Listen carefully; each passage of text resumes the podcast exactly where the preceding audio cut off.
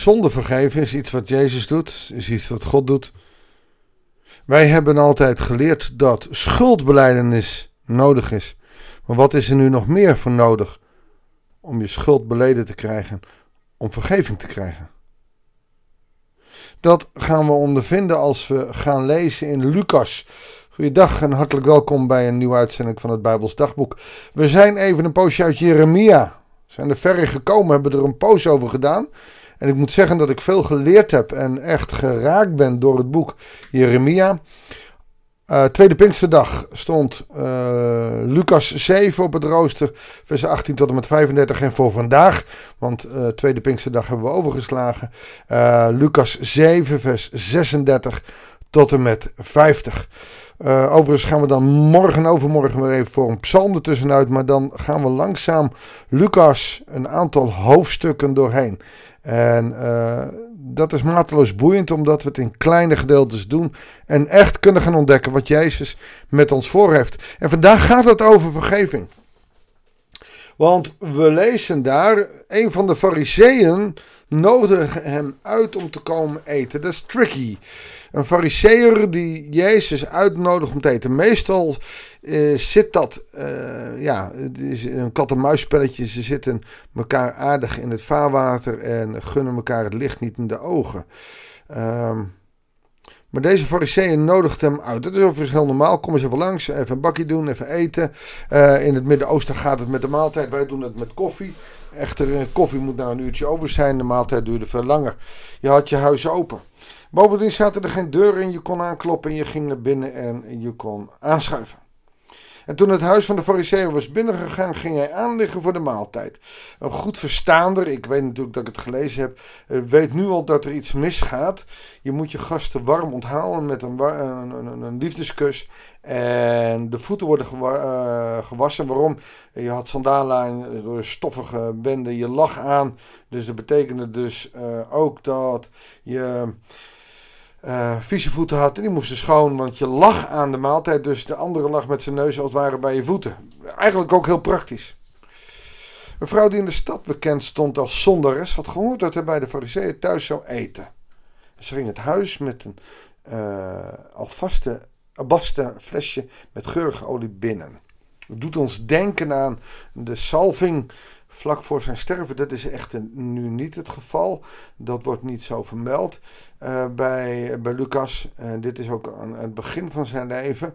Maar je ziet wel dat zij naar binnen gaat en dat albasten flesje, dat was duur. Geurige olie, dat is vaak dure, de eerste olie. Ze ging achter Jezus staan aan zijn voeteinde. Ze huilde en zijn voeten werden nat door de tranen. Ze droogde ze met haar haar, kuste ze en zalfde met olie. Nou, meteen zie je de commerciële mensen weer staan. Dit is er ook zonde. Eerst maken ze de vies, dan met haar haar hè, nat en dan met de haren afdrogen en dan olie. Ja, weet je, dat, dat, dat kan je helemaal anders doen. Kun je anders organiseren en je hoort als ware de omstanders al kijken. Wat doet deze vrouw? Toen de fariseeën die hem had uitgenodigd dit zag, zei hij bij zichzelf... Als hij een profeet was, zou hij weten wie die vrouw is die hem aanraakt. Ze is een zondaar. Een zondares. Nou, twee dingen. Hier zit het oordeel in. Ik ben een fariseer. Niks aan de hand. Ik kan dit doen. Ik kan hem uitnodigen en dan komt er zomaar een vreemde vrouw binnen. Dat was klaarblijkelijk nog wel mogelijk. Ze werd niet meteen uitgezegd. En, maar dit is een zondaar. En die kunnen niet bij mij binnenkomen, want ik, ik ben geen zondaar.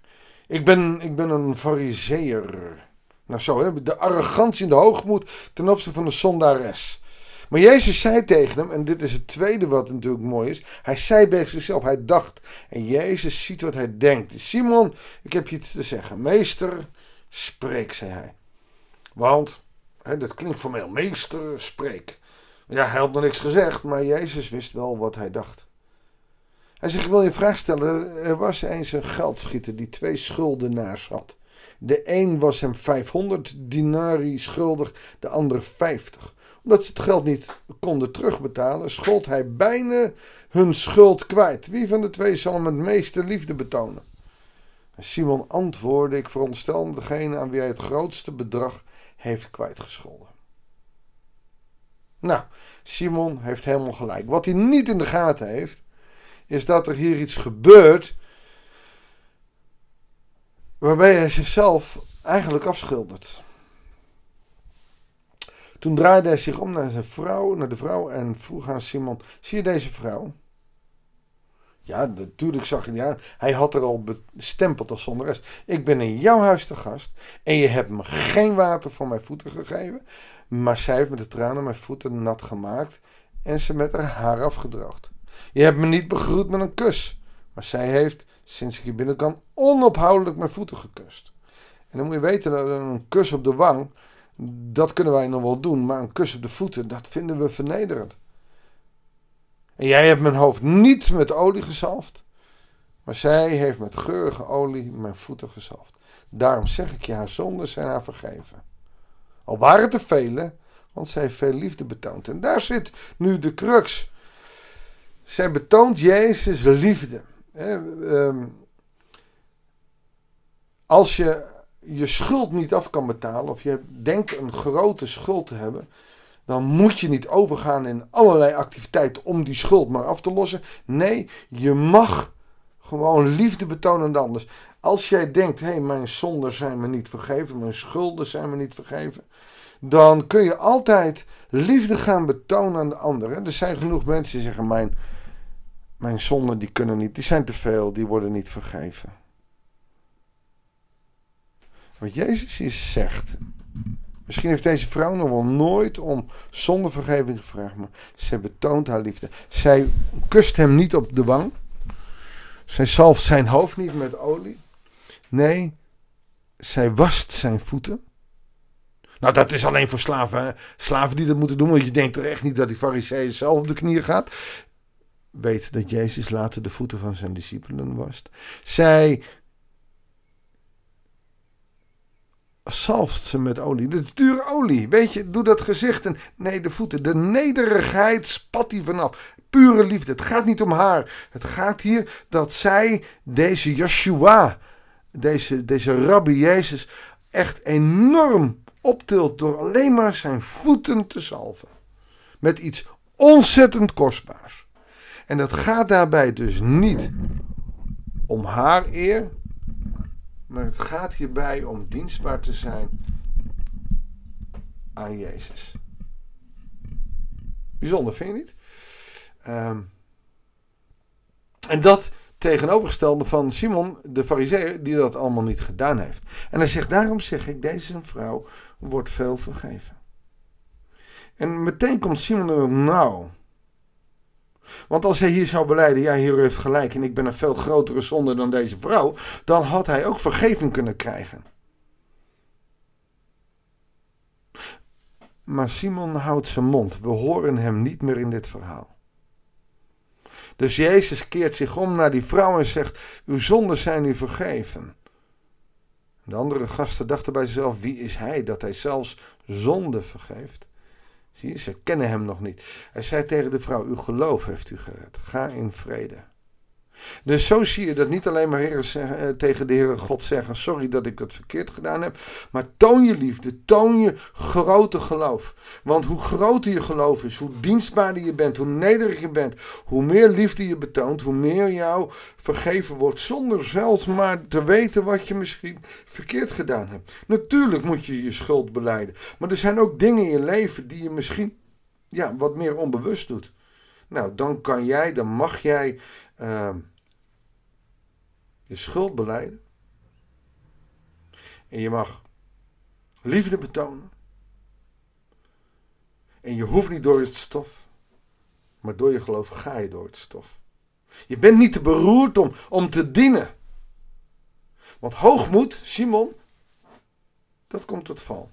Nederigheid, langmoedigheid, zachtmoedigheid, Jezus dienen, en het mag je meer kosten dan alleen maar een eurotje in de collectezak, dan zal je weten dat jouw zonden echt van je weggaan. Niet dat je het afkoopt, maar het zijn dus je gaven, je liefdesgaven. En dat is niet alleen maar een paar euro in de collectezak, maar dat is ook Wat is het je waard? Weet je, ik ga niet eens op geld zitten. Wat is het je waard om Jezus te dienen? Wat mag het jou kosten?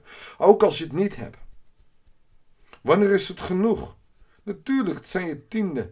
Maar als je echt een kind van Jezus bent, dan ga je niet precies naar 10% denken van nou, nou heb ik het wel gedaan. Dan gaat het om de gedachte dat je wil dienen. Nou ja, zo kan ik nog uren doorgaan. Maar weet dat deze liefde staat, oftewel het geloof je gered heeft. Sorry zeggen tegen God is niet genoeg. Geloof in God en afhankelijkheid van God, ontzag voor God, dat is belangrijk. Laten we bidden, Heere God.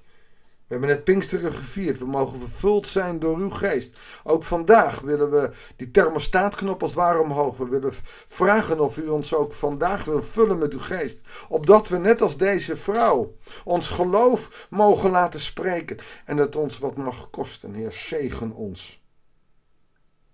Om zo aan deze vrouw het voorbeeld te nemen. Terwijl wij misschien veel vaker, net als de fariseeën zijn.